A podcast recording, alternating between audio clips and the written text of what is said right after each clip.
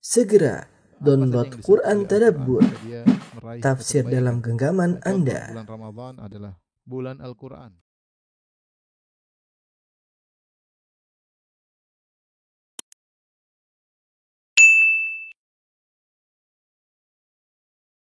Bismillahirrahmanirrahim. Assalamualaikum warahmatullahi wabarakatuh. Alhamdulillahi ala ihsani wa syukru lahu ala taufiqihi wa amtinani wa asyhadu an la ilaha illallah wahdahu la syarika lahu ta'ziman li wa asyhadu anna Muhammadan abduhu wa rasuluhu da'ila ridwani. Allahumma salli alaihi wa ala alihi wa ashabihi wa ikhwani. Uh, ikhwan dan akhwat yang dirahmati Allah Subhanahu wa taala. Uh, kita lanjutkan bahasan kita dari kitab Fadlul Islam karya Syekh Muhammad bin Abdul Wahab rahimahullahu taala. Dan kita masuk pada pembahasan baru, pembahasan yaitu bab qaulillahi taala, bab firman Allah Subhanahu wa taala, Ya ahlal kitabi lima tuhajjuna fi Ibrahim. Wahai ahlul kitab, kenapa kalian berbantah-bantahan seputar Ibrahim hingga firman Allah, "Wa ma kana minal musyrikin" dan Ibrahim bukanlah termasuk orang-orang musyrikin. Wa qawlihi demikian juga firman Allah, "Wa may yarghabu an millati Ibrahim illa man safiha nafsah." Siapa yang benci tidak suka dari agama Ibrahim melainkan orang yang membodohi dirinya. Wa laqad istafainahu fid dunya dan sungguh kami telah memilih Ibrahim di dunia wa innahu fil akhirati laminas salihin. Dan dia di akhirat kelak termasuk orang-orang yang soleh yang memiliki kedudukan yang tinggi. Ini bab bab yang indah yang dibawakan oleh Syekh Muhammad bin Wahab rahimahullah taala. Saya kasih uh, judul yaitu pengakuan harus disertai dengan bukti. Pengakuan harus disertai dengan bukti. Propaganda harus dengan bukti. Kalau tidak ada bukti makanya sekadar pengakuan semata. Sebagaimana perkataan penyair atau perkataan seorang wa da'awa idza lam takum fihi bayyinat ya fa ashabuha ad'iya. Bahwasanya pengakuan-pengakuan itu kalau tanpa bukti hanya sekedar kedustaan semata kedustaan semata. Dan uh, kita tahu bahwasanya banyak pengakuan-pengakuan ya baik dari non muslim maupun dari kaum muslimin. Contoh seperti Allah sebutkan beberapa pengakuan dalam Al-Qur'an yang tanpa disertai bukti. Seperti pengakuan orang Yahudi dan Nasara kata Allah Subhanahu wa taala wa qalatil yahudu wan nasara nahnu abnaullahi wa ahibba'uh. Berkata orang-orang Yahudi dan Nasara bahwasanya kami adalah anak-anak Allah dan kekasih-kekasih Allah. Kami adalah pilihan-pilihan Allah dan kekasih-kekasih Allah. Ini pengakuan mereka. Mereka menganggap mereka pilihan Allah dan mereka menganggap mereka adalah kekasih-kekasih Allah. Tapi Allah bantah qul falima yu'adzibukum bidzunubikum bal antum basyarun mimman khalaq ya uh, kalau kalian memang adalah kekasih-kekasih Allah, qul katakanlah wahai Muhammad, falima yu'adzibukum bidzunubikum. Kenapa Allah mengadab kalian karena dosa-dosa kalian? Bukankah nenek moyang kalian dahulu ya orang-orang dahulu dari kalangan Bani Israel ada yang dirubah menjadi babi-babi dan monyet-monyet.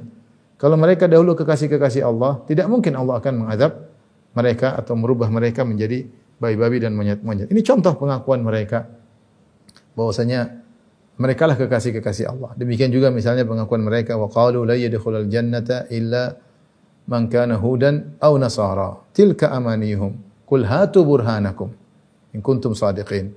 Kata Allah Subhanahu wa taala, mereka berkata, ya ahlul kitab. Mereka berkata, la yadkhulul jannata illa man kana hudan aw nasara. Tidak akan masuk surga kecuali cuma Yahudi atau Nasrani. Adapun Islam tidak. Kata mereka demikian. Ya, Uh, jadi bukan umat Islam aja yang eksklusif. Ya, bahwasanya ahlul kitab juga eksklusif. Mereka berkata ya bahwasanya tidak akan masuk kecuali Yahudi atau Nasrani. Ya. Wa qalu la yadkhulul jannata illa man kana hudan aw nasara. Kata Allah tilka amaniyuhum. Itu hanya angan-angan mereka. Hanya pengakuan-pengakuan dusta mereka. Kul hatu burhanakum kata Allah mana buktinya. Jadi pengakuan itu ada diucapkan oleh non muslim maupun Uh, sebagian kaum muslimin. Demikian juga ketika ada sebagian orang yang mengaku cinta kepada Allah Subhanahu wa taala, maka Allah turunkan ayat yang dikenal dengan ayat al-imtihan, yaitu ayat ujian, ayat minta bukti atas pengakuan. Yaitu firman Allah Subhanahu wa taala, ya Kul in kuntum tuhibbuna Allah fattabi'uni yuhibbukumullah wa yaghfir lakum dzunubakum. Allahu ghafurur rahim. Katakanlah jika kalian benar-benar cinta kepada Allah, fattabi'uni maka ikutilah aku, ikutlah Muhammad sallallahu alaihi wasallam. Artinya Allah mengatakan ada orang yang mengaku cinta kepada Allah, harus ada bukti. Konsekuensinya apa kalau cinta kepada Allah? Berarti ngikut Rasulullah sallallahu alaihi wasallam. Qul in kuntum tuhibbuna fattabi'uni. Jika kalian uh, cinta kepada Allah, ikutilah aku, ikutilah Muhammad sallallahu alaihi wasallam. Yuhibbukumullah, niscaya Allah akan cinta kepada kalian. Wa yaghfir lakum dzunubakum. Dan Allah akan mengampuni dosa-dosa kalian.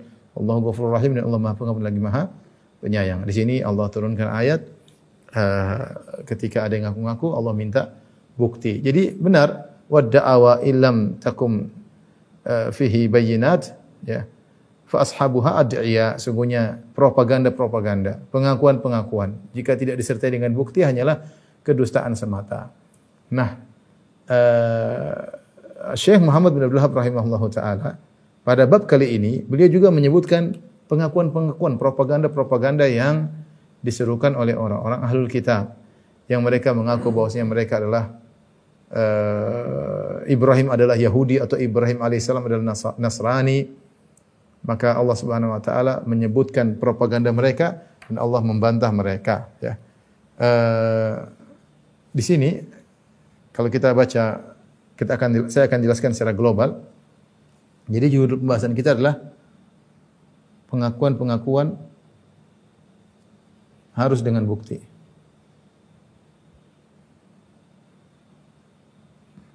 Maka kemudian uh, uh, Syekh membawakan contoh-contoh pengakuan atau tanpa bukti ya. Contoh-contoh pengakuan tanpa bukti.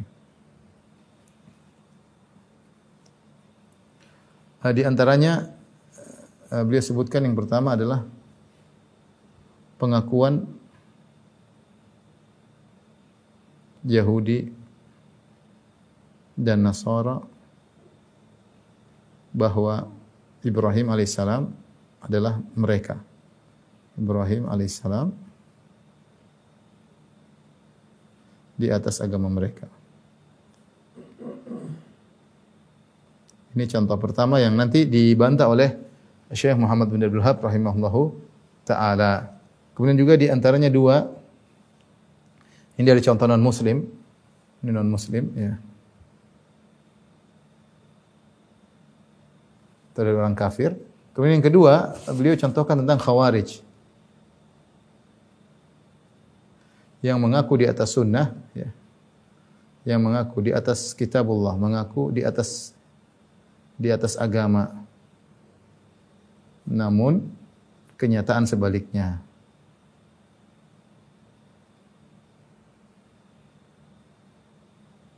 Ini contoh yang kedua. Nanti insya Allah akan kita bahas disebutkan oleh Syekh Abdul rahimahullah taala.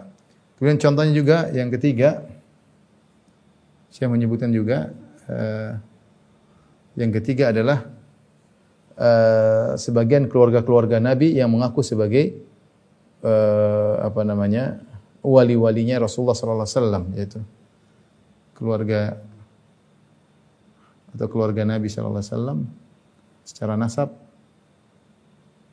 namun kafir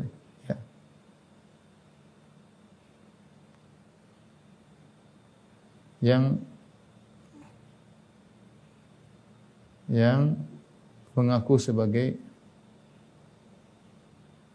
atau tidak dianggap sebagai tidak dianggap sebagai wali-wali Nabi. Sallallahu alaihi wasallam.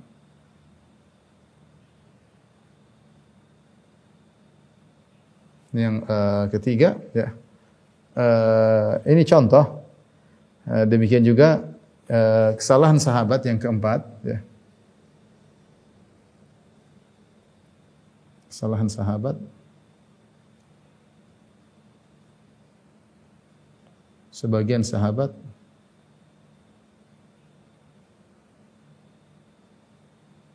yang ternyata tidak di atas sunnah.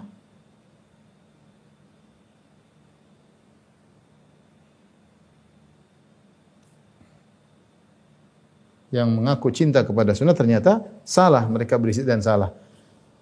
Uh, kita akan uh, jelaskan tentang empat pendalilan ini bahwasanya namanya pengakuan uh, butuh kepada bukti. Jika tidak ada bukti maka pengakuan tersebutlah kesalahan dan hanyalah kedustaan yang tidak diakui.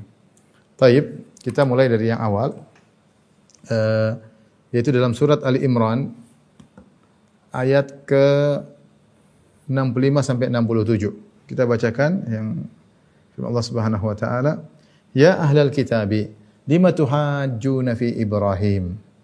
وما أنزلت لما تحاجون في إبراهيم وما أنزلت التوراة والإنجيل إلا من بعده أفلا تعقلون saya artikan Allah berfirman wahai ahlul kitab kenapa kalian uh, apa berbantah-bantahan tentang Ibrahim tentang Ibrahim alaihissalam wa ma unzilatit Taurat wal Injilu illa min ba'di padahal Taurat dan Injil tidaklah turun eh, kecuali setelah wafatnya Ibrahim alaihissalam afala taqilun tidakkah kalian berfikir tidak kalian berakal. Ha antum haula'i hajajtum fi ma lakum bihi ilm.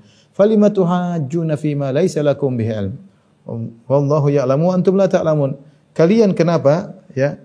Uh, kenapa kalian sebaiknya kalian ha antum haula'i hajajtum fi ma lakum bihi ilm. Harusnya kalian kalau berbantah-bantahan, berdebat, berdebatlah pada perkara yang kalian punya ilmu. Falima tuhajjuna fi ma laisa lakum. Kenapa kalian berdebat pada perkara yang kalian tidak memiliki ilmu. Wallahu ya'lamu antum la ta'lamun. Allah yang tahu sementara kalian tidak mengetahui.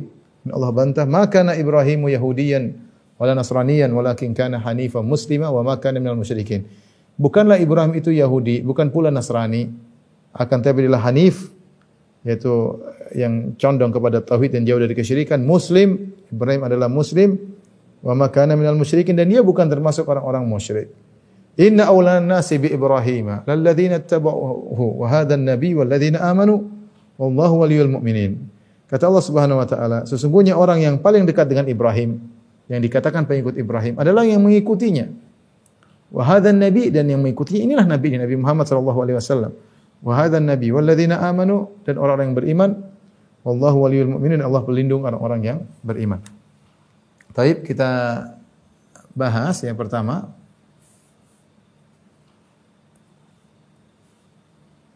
Jadi ayat ini, ayat surat Al-Imran, surat surat Al-Imran,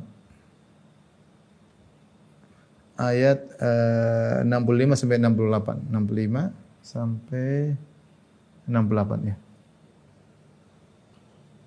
Sebab nuzulnya disebutkan oleh sebagian ahli ilmu diriwayatkan dari Ibnu Abbas dan yang lainnya bahwasanya terjadi diskusi antara orang-orang Yahudi dengan uh, orang-orang Nasara dari Najran. Kemudian orang-orang Yahudi berkata bahwasanya Ibrahim adalah Yahudi. Orang-orang Nasara berkata Ibrahim adalah Nasara, ya. Ibrahim jadi orang Yahudi berkata Ibrahim adalah Nasara. Jadi sebab nuzul adalah debat antara Yahudi dan Nasara Najran. Yahudi berkata Ibrahim adalah Yahudi. Ibrahim alaihissalam adalah Yahudi, seorang Yahudi.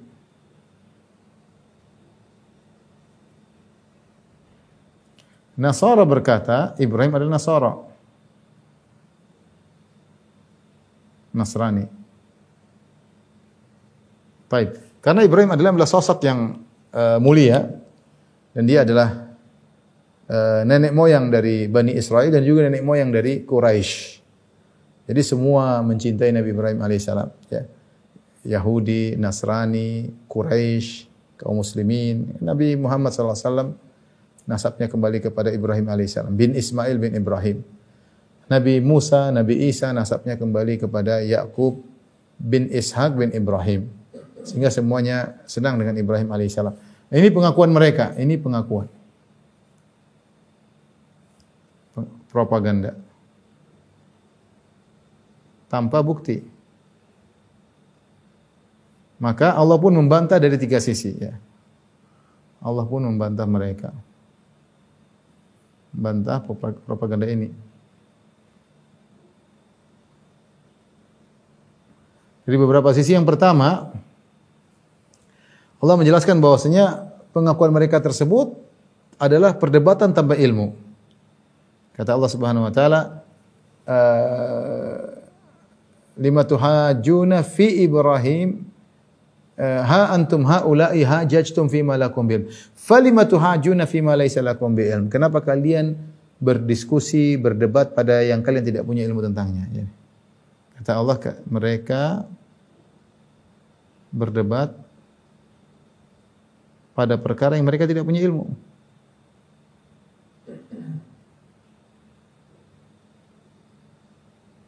Tidak ada bukti otentik ya. Tidak ada bukti otentik. Hanya ngomong saja. Ini begini, begini. Lah. Makanya Allah mengatakan, kenapa kalian tidak berdebat pada yang kalian punya ilmu? Ya. Ha antum haula'i hajjaztum fi malakum ilm. Kenapa kalian tidak berdebat tentang yang kalian punya ilmu, tentang mungkin tentang Injil, tentang Taurat, ada hukum-hukum kalian diskusikan, oke okay lah. Ini kalian bilang Ibrahim Yahudi, satu bilang Ibrahim Nasrani. Dari mana dalilnya? Enggak ada. Enggak ada, bukti sama sekali tidak ada. Jadi Allah bantah mereka berdebat pada perkara yang mereka tidak punya ilmu tentangnya. Ini bantahan pertama. Yang kedua, bantahan Allah bahwasanya uh, Allah mengatakan uh, aneh ya, kalian tidak berakal. Mereka tidak berakal.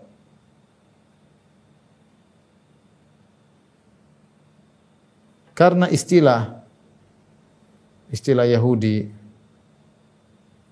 tidaklah muncul kecuali setelah ada Taurat. Kecuali setelah turun Taurat. Yahudi maksudnya pengikut Taurat dan istilah Nasrani tidaklah muncul kecuali setelah setelah turunnya Injil.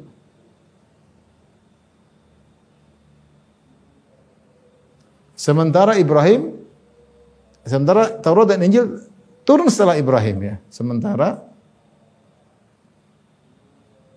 Taurat dan Injil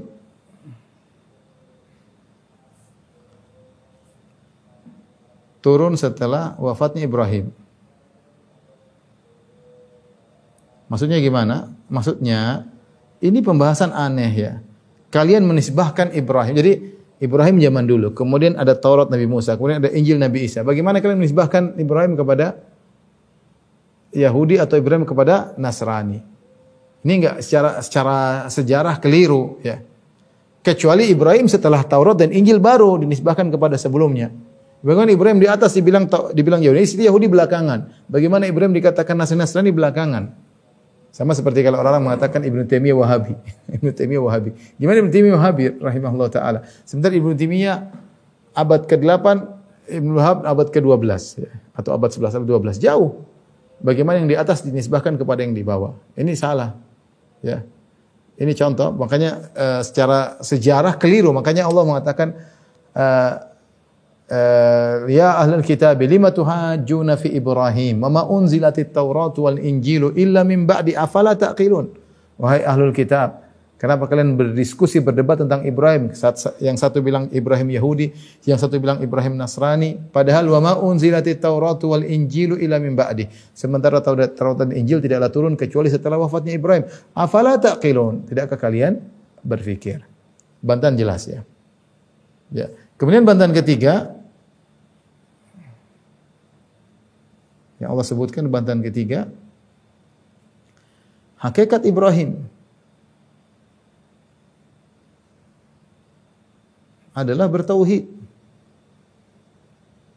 Tidak seperti kalian yang syirik. Kalian yang musyrik. Kata Allah Subhanahu wa taala pada uh, ayat selanjutnya ya. Kata Allah Subhanahu wa taala, "Ma kana Ibrahimu Yahudiyan wala Nasrani." Allah bantah Ibrahim bukan jadi bukan Nasrani. Walakin kana hanifan muslima. Ibrahim adalah hanifan muslima. Wa kana musyrikin. Karena Ibrahim adalah hanifan muslima. Bukan nas, bukan Yahudi, bukan Nasrani. Hanifan adalah hanifan maksudnya adalah condong kepada tauhid jauh dari syirik.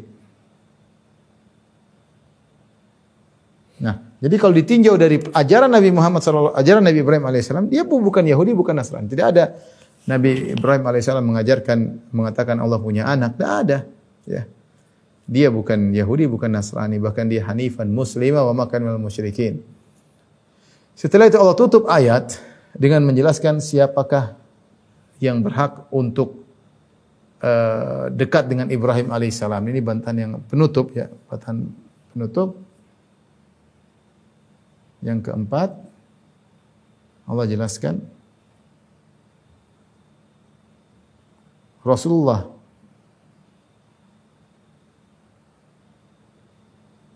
yang lebih lebih berhak dekat dengan Nabi Ibrahim alaihissalam. Paling dekat, yang lebih dekat, berhak lebih dekat dengan Ibrahim bukan kalian. Bukan ahlul kitab. Kata Allah Subhanahu wa taala, "Inna awlan nasi bi Ibrahim." Ayat yang terakhir ayat 68. "Inna awlan nasi bi Ibrahim lalladzina tabu." Seorang yang paling lebih dekat kepada Ibrahim lebih utama untuk ikut Ibrahim. Siapa? Lalladzina tabu yang ikut Nabi Ibrahim. Karena Ibrahim hanifan musliman, tidak pernah syirik, lam yakun minal musyrikin, tidak pernah berbuat syirik, selalu hanif, condong kepada tahu jauh dari kesyirikan. Wa hadzal nabi itulah sang nabi ini walladzina amanu dan orang yang beriman. Wallahu waliyul mu'minin dan Allah orang-orang yang uh, waliyul mu'minin penolong lindung orang-orang beriman. Ini uh, pembahasan yang pertama ya yang dijelaskan oleh Syekh Abdul rahimahullah taala bahwasanya pengakuan-pengakuan saya seorang muslim atau saya pengikut Ibrahim kalau tidak ada uh, buktinya maka tidak bisa diakui ya. Isyarat dari beliau ada sebagian orang ngaku sebagai Islam, sebagai Muslim, pengikut Ibrahim kalau nggak ada buktinya. Sebagian orang-orang ngaku di atas tauhid tapi ternyata uh, berbuat kesyirikan. Tidak benar ya. Tidak benar. Maka uh, adanya propaganda-propaganda tidak bisa diterima kecuali dengan dengan bukti. Tapi ini pembahasan yang pertama. Kemudian kita lanjut pada uh, pembahasan yang yang, yang kedua. Ya. Allah Subhanahu wa taala berfirman ya. Masih uh,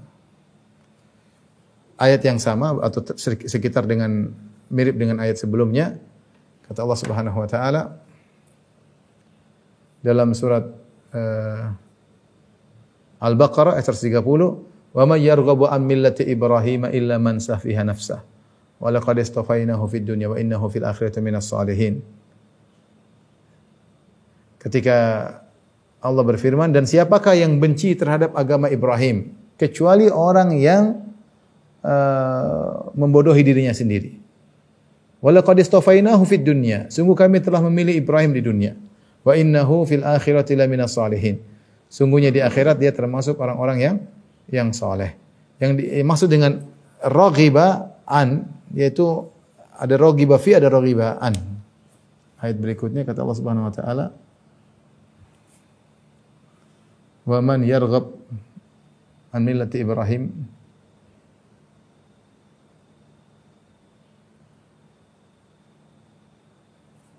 illa man safiya nafsah. Dalam surat Al-Baqarah ayat 130 ya. Jadi yarghab an raghiba ada dua raghiba ada raghiba fi dan raghiba an.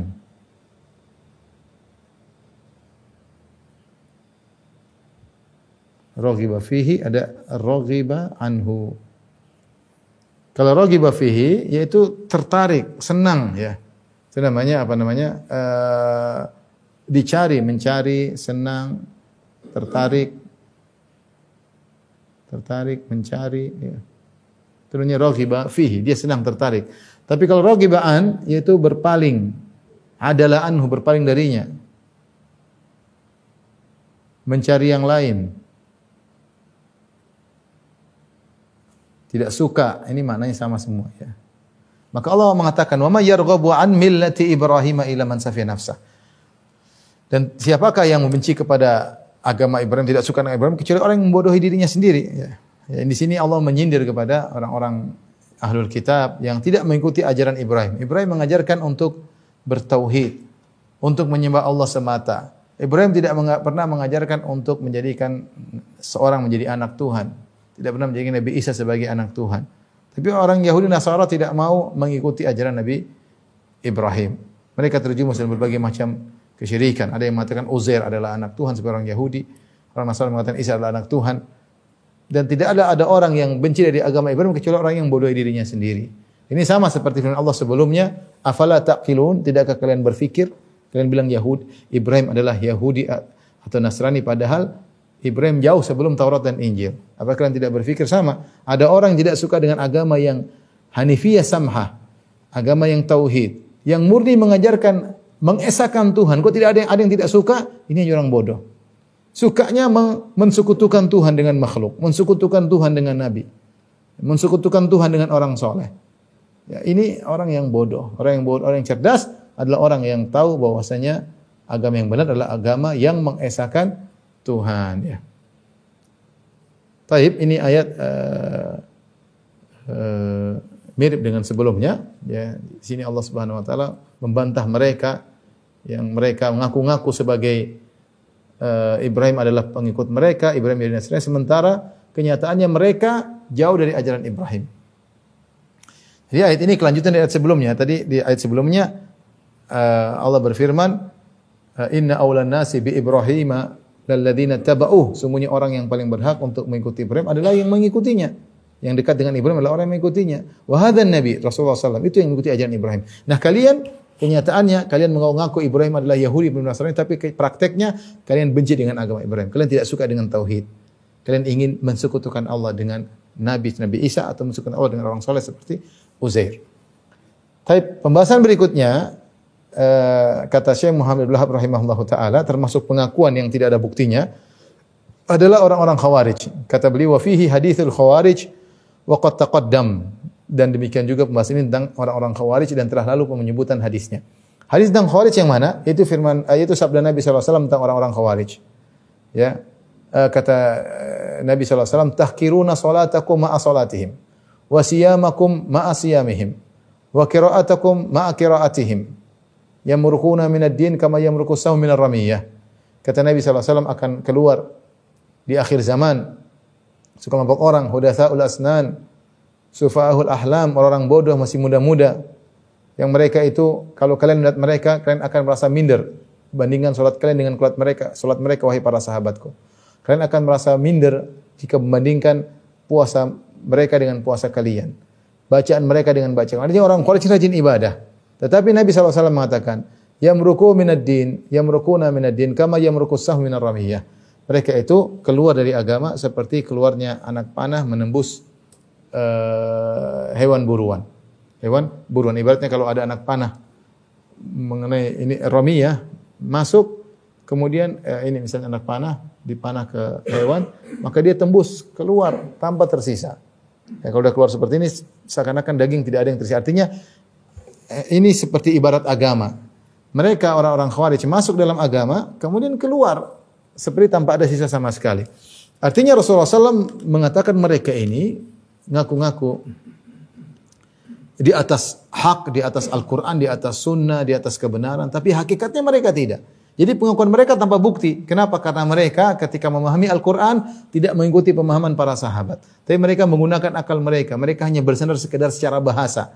Ketika mereka orang-orang Arab dan mereka pakar bahasa Arab, ketika mereka baca Al-Quran, mereka memahami sebagian ayat dengan pemahaman mereka. Tidak mereka kembalikan kepada pemahaman para sahabat yang masih hidup ketika itu seperti Ali bin Abi Thalib, Ibnu Abbas dan yang lainnya.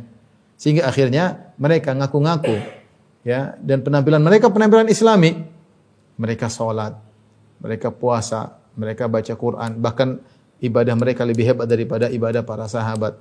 Akan tetapi ya ternyata pengakuan mereka sebagai orang yang soleh tidak diakui oleh Nabi Shallallahu Alaihi Wasallam karena mereka tidak punya bukti. Kesolehan tersebut tidak hanya cukup dengan baca Quran, dengan salat, dengan puasa, kalau ternyata mereka memahami Al-Quran pakai akal mereka sendiri dan tidak menggunakan pemahaman para sahabat radhiyallahu taala anhum ajmain. Dan ini uh, Ini contoh artinya sama seperti pembahasan yang sedang kita bahas yaitu mereka mengaku di atas agama, kenyataannya mereka justru keluar dari agama. Ya. Ya, karena kalau kita lihat secara penampilan fisik mereka rajin. Ketika Ali bin Abi Thalib ditanya, "Amunafiquna hum?" Apakah mereka orang-orang munafik? Kata Ali bin Abi Thalib radhiyallahu anhu, "Al-munafiqun la yadhkuruna Allah illa qalila." Orang munafik itu tidak mengingat Allah cuma kecuali cuma sedikit. Sementara orang khawarij semangat beribadah kepada Allah. Sampai wajah mereka pucat-pucat. Karena mereka sering sholat malam dan juga sering baca Quran dan sering puasa. Jadi, uh, uh, kemudian ditanya, aku farun hum, apakah mereka orang kafir? Kata Ali bin Abi Thalib, minal kuffari, minal kufri farru. Justru mereka lari dari kekufuran. Cuma mereka salah. Ikhwanuna bagau alaina. Mereka salah paham. Mereka membangkang. Jadi penampilan mereka islami, pengakuan mereka di atas agama, tapi hakikatnya karena tidak ada bukti, buktinya nggak ada buktinya karena mereka tidak mau tunduk kepada pemahaman para sahabat. Mereka mengaku berhukum dengan hukum Allah, tapi ternyata mereka pahami dengan akal mereka sendiri. Akhirnya justru mereka mengaku di atas agama, justru Nabi mengatakan mereka keluar dari agama. Ini ini ini bahaya. Nggak mengaku sesuatu hakikatnya kebalikannya. Hakikatnya adalah uh, kebalikannya. Ya. Demikian juga yang berikutnya kata Syekh Muhammad bin Abdul Wahab rahimahullah taala. Wa fi sahih annahu sallallahu alaihi wasallam qala. Dalam hadis yang sahih Rasulullah SAW pernah bersabda, "Inna ala, ala abi fulan" sungguhnya uh, keluarga uh, keluarga ayahku fulan laisu bi laus laisa lu laisu li auli bi auliya. Meskipun mereka uh, keluargaku tapi mereka bukan wali-waliku. Laisu li aulia, mereka bukanlah wali-waliku. Aulia maksudnya wali-wali dan wali-wali ini maksudnya dari al-walayah. Al-walayah bisa dibaca al-walayah, bisa dibaca al-wilayah. Kalau al-wilayah artinya kekuasaan, al-walayah artinya kecintaan. Artinya Nabi mengatakan mereka bukanlah orang-orang aku cintai meskipun secara nasab, secara kerabat mereka adalah kerabat-kerabatku. Inna ma auliyai al-muttaqun. Kata Nabi, sungguhnya wali-waliku yang sungguhnya adalah orang-orang yang bertakwa. Di sini Nabi uh, alaihi wasallam menjelaskan mungkin sebagian orang merasa kalau dia uh, nasabnya dekat dengan Nabi sallallahu alaihi wasallam lantas otomatis dia menjadi wali-wali Nabi sallallahu alaihi wasallam. Maka Nabi jelaskan tidak demikian. Percuma kedekatan nasab, ya. Uh, kalau ternyata uh, kalau ternyata jauh dari ajaran Nabi Muhammad sallallahu alaihi wasallam. Maka Nabi mengatakan inna ala abi fulan laisa bi auliya. Kerabatku itu dari keluarga ini bukanlah wali-waliku. Innama auliyai al-muttaqun. Sungguhnya yang menjadi wali-waliku adalah orang yang yang uh, bertakwa.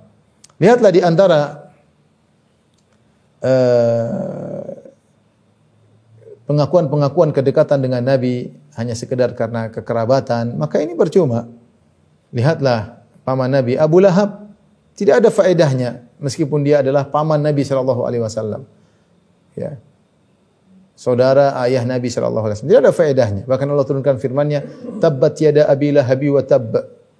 Ma aghna anhu maluhu wa ma kasab." Celaka kedua tangan Abu Lahab dan celaka kedua tangannya.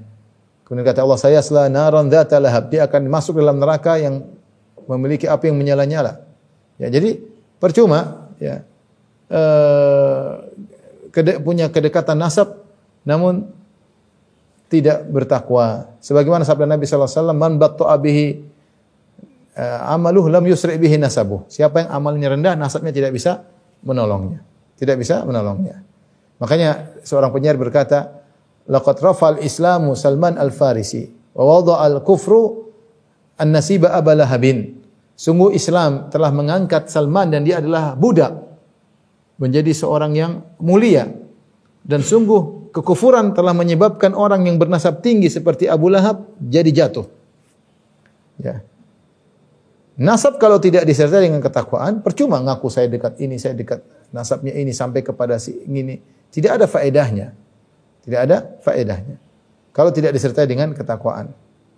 Ya. Lihatlah bagaimana para sahabat yang tidak punya nasab yang tinggi seperti Bilal bin Rabah dari Habasyah, Habasyi yang berkulit hitam. Kemudian Bilal Ar-Rumi dari Romawi, Bilal ya. Kemudian Salman Al-Farsi dari Persia, bukan orang-orang Arab. Mereka dari Mawali itu budak-budak yang di dimerdekakan ya. Ternyata mereka menjadi para sahabat-sahabat yang mulia karena ketakwaan. Jelaslah firman Allah Subhanahu wa taala, ya, ya ayuhan nasu inna khalaqnakum min dzakarin wa untha wa ja'alnakum syu'uban wa qabaila lita'arafu inna akramakum indallahi atqakum. Wahai manusia sekalian, sungguhnya kami telah menciptakan kalian berbangsa-bangsa, bersuku-suku agar kalian saling mengenal ya. Kemudian kata Allah Subhanahu wa taala, Inna akramakum indallahi atqakum. Yang paling mulia di sisi Allah adalah yang paling bertakwa di antara kalian. Jadi percuma pengakuan seorang saya dekat dengan Nabi sallallahu alaihi wasallam, saya punya hubungan kekerabatan dengan Nabi sallallahu alaihi wasallam kalau tidak disertai dengan ketakwaan kepada Allah Subhanahu wa taala. Tadi maghrib sudah kita jelaskan betapa banyak keturunan-keturunan daripada nabi-nabi sebelumnya yang ternyata tidak ada faedah hubungan kekerabatan mereka dengan para nabi. Contohnya Nabi Nuh alaihissalam, anaknya kafir ya. Contohnya anak-anak Nabi Yakub bin Ishaq bin Ibrahim. Allah mengatakan wa min dzurriyyatihima muhsinun wa zalimun li nafsihi mubin. Dan di antara keturunan uh, Ishak dan Ibrahim ada orang-orang yang baik dan ada orang-orang yang zalim yang berbuat kesyirikan. Lihat orang-orang Yahudi, orang Yahudi semuanya keturunan Nabi. Mereka keturunan Nabi Yakub bin Ishak bin Ibrahim. Tapi apakah orang Yahudi kemudian orang soleh? Kebanyakan mereka bukanlah orang-orang soleh. Kebanyakan mereka adalah musuh-musuh Allah Subhanahu Wa Taala. Padahal mereka adalah keturunan para nabi, keturunan para nabi. Tapi tidak ada uh, faedahnya. Sebagaimana Nabi Nuh alaihissalam punya anak yang kafir. Oleh karenanya seorang uh, mempropagandakan saya misalnya dekat dengan Nabi SAW, maka kalau propaganda tersebut disertai dengan bukti, maka itu tentunya baik. Tentunya dia akan mulia. Jika amalnya cepat, maka nasabnya juga cepat. Tapi jika sebaliknya, maka tidak bermanfaat nasabnya. Man batta'a bihi amaluh, lam yusri bihi nasabuh. Siapa yang amalnya membuat dia lambat, dia lambat dengan amalnya, maka nasabnya tidak akan bisa mempercepat mempercepat dia. Tapi berikutnya, uh, Syekh Muhammad Wahab rahimahullah ta'ala membawakan contoh yang lain. Ini contoh yang uh, terakhir yang dibawakan tentang sebagian sahabat. Ya. Kata yang sebagian sahabat menyangka mereka di atas sunnah, ternyata mereka tidak di atas sunnah. Ini contoh menyangka di atas sesuatu, ternyata tanpa bukti maka tidak dianggap. Wa fihi aidan an Anas, kata Syekh Muhammad bin Wahab rahimahullah taala, demikian juga dari Anas bin Malik radhiyallahu anhu, anna Rasulullah sallallahu alaihi wasallam dzukira lahu anna ba'dha sahabah qala ya bahwasanya Rasulullah SAW disebutkan kepada beliau tentang sebagian sahabat ada yang berkata jadi ada sahabat yang berkata dilaporkan kepada Nabi amma ana fala akulul lahma. Ada yang mengatakan aku tidak akan makan daging. Buat apa? Buat supaya eh, supaya zuhud, supaya beribadah. Wa qala akhar amma ana amma ana fa aqumu wala anam. Ada yang mengatakan adapun aku aku akan uh, salat malam dan aku tidak tidur. Wa qala akhar dan yang lainnya lagi ada sahabat yang berkata amma ana fala atazawwajun nisa. Adapun aku aku tidak akan menikahi para wanita. Wa qala akhar lagi yang berkata, "Amma ana fa asumu wala uftir." Adapun aku aku akan puasa terus dan aku tidak berbuka, tiap hari puasa. Fa qala Rasulullah SAW ketika dilaporkan kepada Nabi tentang sahabat-sahabat yang semangat beribadah ini, maka Rasulullah SAW berkata, "Lakinnani aqumu wa anam wa asum wa uftir." Adapun aku beda, aku salat malam dan aku tidur. Aku puasa dan aku berbuka. Wa atazawwajun nisa dan aku menikahi para wanita. Wa akulul lahm dan aku makan daging. Faman raghiba an sunnati falaysa minni. Siapa yang tidak suka dengan sunnahku bukan maka bukan golongan dariku. Kata Syekh Muhammad bin Wahab rahimahullah taala, "Fata'ammal idza kana ba'dhu sahabati arada tabattul lil ibadah, qila fihi hadzal kalamil ghalidh." Lihatlah, ketika sebagian sahabat ingin fokus ibadah, tabatul itu fokus ibadah dengan cara yang mereka ekspresikan, yang mereka uh, idekan, ya, maka dikatakan kepada mereka perkataan yang keras ini dari Nabi sallallahu alaihi wasallam. Fi'luhu raghuban an sunnah. Bahkan perbuatan mereka yang tadi ingin sholat terus, ingin puasa terus dianggap benci kepada sunnah Nabi wasallam. Fama dhannuka bi ghairi hadza minal bid'ah? Bagaimana lagi menurut kalian bid'ah-bid'ah yang dilakukan? Wa ma dhannuka bi ghairi sahabat? Bagaimana lagi kalau yang melakukannya bukan sahabat? Baik, perhatikan hadis ini. Hadis ini ikhwan dan akhwat yang rahmatillah subhanahu wa taala, ceritanya ada sebagian sahabat ingin tahu ibadah Nabi. Fisir, mereka ingin tahu ibadah Nabi ketika di rumah yang mereka tidak bisa. Mereka hanya bisa lihat Nabi kalau ibadah di masjid.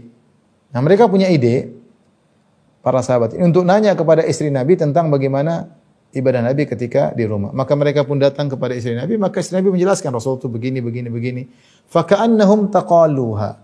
Maka mereka berkata kayaknya tidak banyak ibadah Nabi sementara Nabi SAW qad ghufira lahu ma taqaddama min dzambihi wa ma.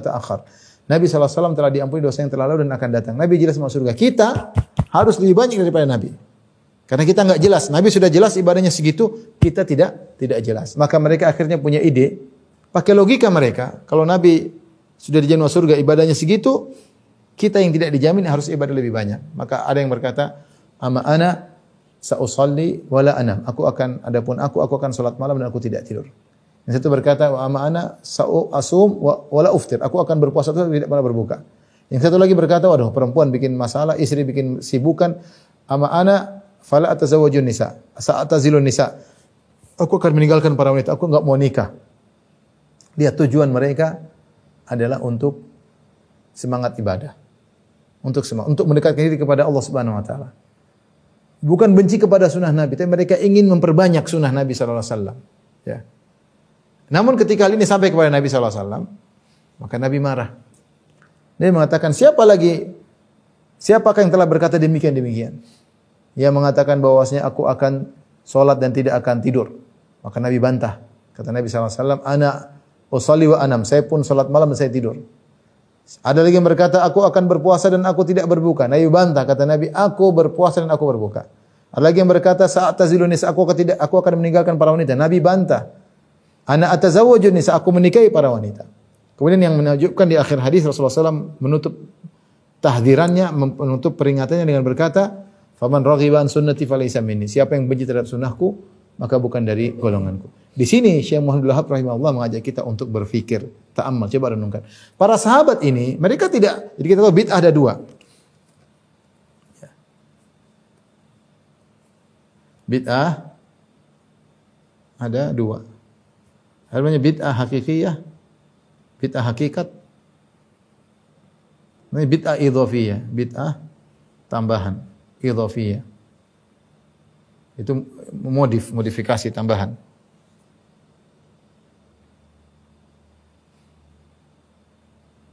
Maksudnya yang hakikat ini benar-benar bid'ah baru, benar-benar inovasi baru. Benar-benar inovasi baru. Contoh seperti apa? Bilang sholat namanya sholat Rabu Wakasan. Ya, ini contoh. Sholat, bikin baru, sholat baru. Ada yang bikin sholat, saya pernah dengar sholat birul walidain. Tidak ada dari mana? Tidak ada sama sekali. Ada namanya sholat rebu wakasan. Ini tidak ada. Rasulullah tidak pernah bikin sama sekali. Ini contoh ya. Kalau bid'ah tambahan itu asalnya asal ibadahnya ada ada hanya dimodifikasi.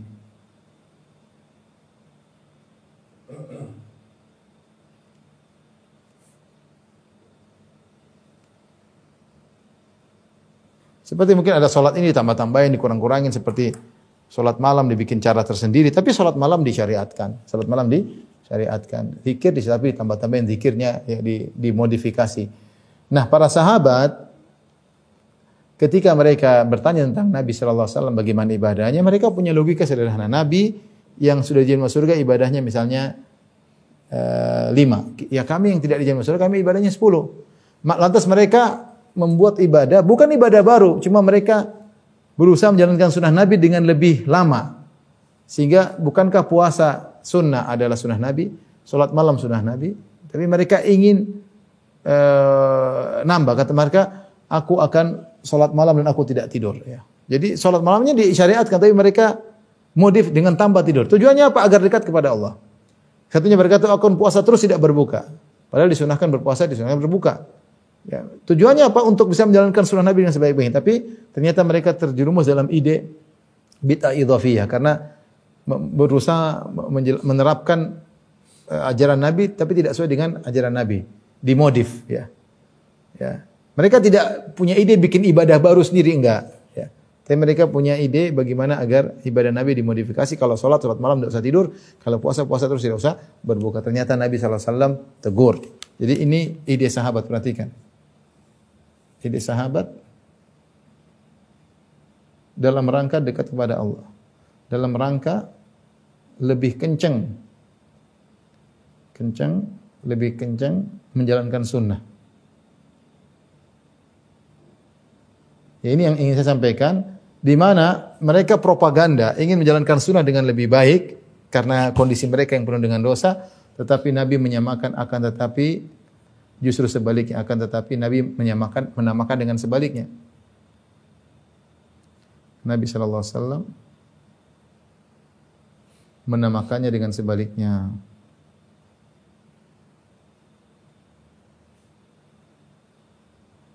Kata Nabi sallallahu alaihi wasallam, Man raghiba an sunnati. Man raghiba an sunnati. Perhatikan kata Nabi SAW, namakan dengan benci kepada sunnah. Benci kepada sunnahku. Lihat. Mereka ingin menerapkan sunnah Nabi, justru Nabi menamakan dengan benci kepada sunnah. Jadi uh, apa yang mereka inginkan, hakikatnya kebalikan. Nah kata Syaikhul rahimahullah ta'ala, lihatlah ini sahabat, mereka tidak bikin bid'ah baru hanya sekedar idhofiyah, sekedar bid'ah uh, salat dimodifikasi, puasa dimodifikasi. Nah, bagaimana lagi dengan bid'ah yang bid'ah hakikat benar-benar bid'ah? Tidak ada contohnya dari Nabi sama sekali, bikin-bikin sendiri. Salat bikin sendiri, zikir bikin sendiri yang tidak ada contohnya sama sekali dari Nabi.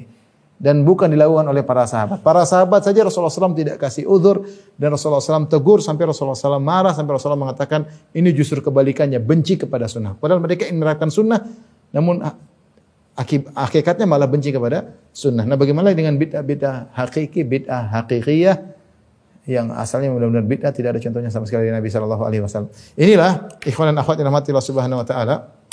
Bab ini intinya Syekh ingin menyampaikan bahwasanya uh, semua itu harus ada buktinya. Seorang mengaku Islam, jangan mengaku Islam aja ada buktinya. Itu tidak berbuat kesyirikan. Jangan seperti orang ngaku ngikut Nabi Ibrahim. Ternyata Ibrahim alaihissalam tidak musyrik. Yang ngaku ikut Nabi Ibrahim ternyata musyrik.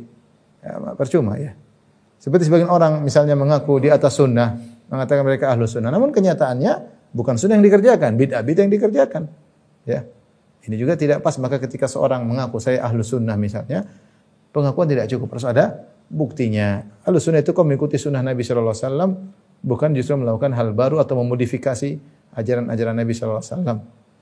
Demikian ikhwan akhwat rahmatillah subhanahu wa taala kajian kita wallahu taala alam bisawab ini semua untuk uh, mengingatkan kepada kita agar kita ketika menjalankan Islam menjalankan dengan sungguhnya bukan hanya ucapan saya orang muslim, saya ahlu sunnah. Percuma pengakuan kalau tidak ada buktinya. Pengakuan tanpa buktinya adalah kedustaan. Wallahu taala alam bisawab. Kurang lebihnya saya mohon maaf. Wabillahi taufiq walhidayah. Assalamualaikum warahmatullahi wabarakatuh.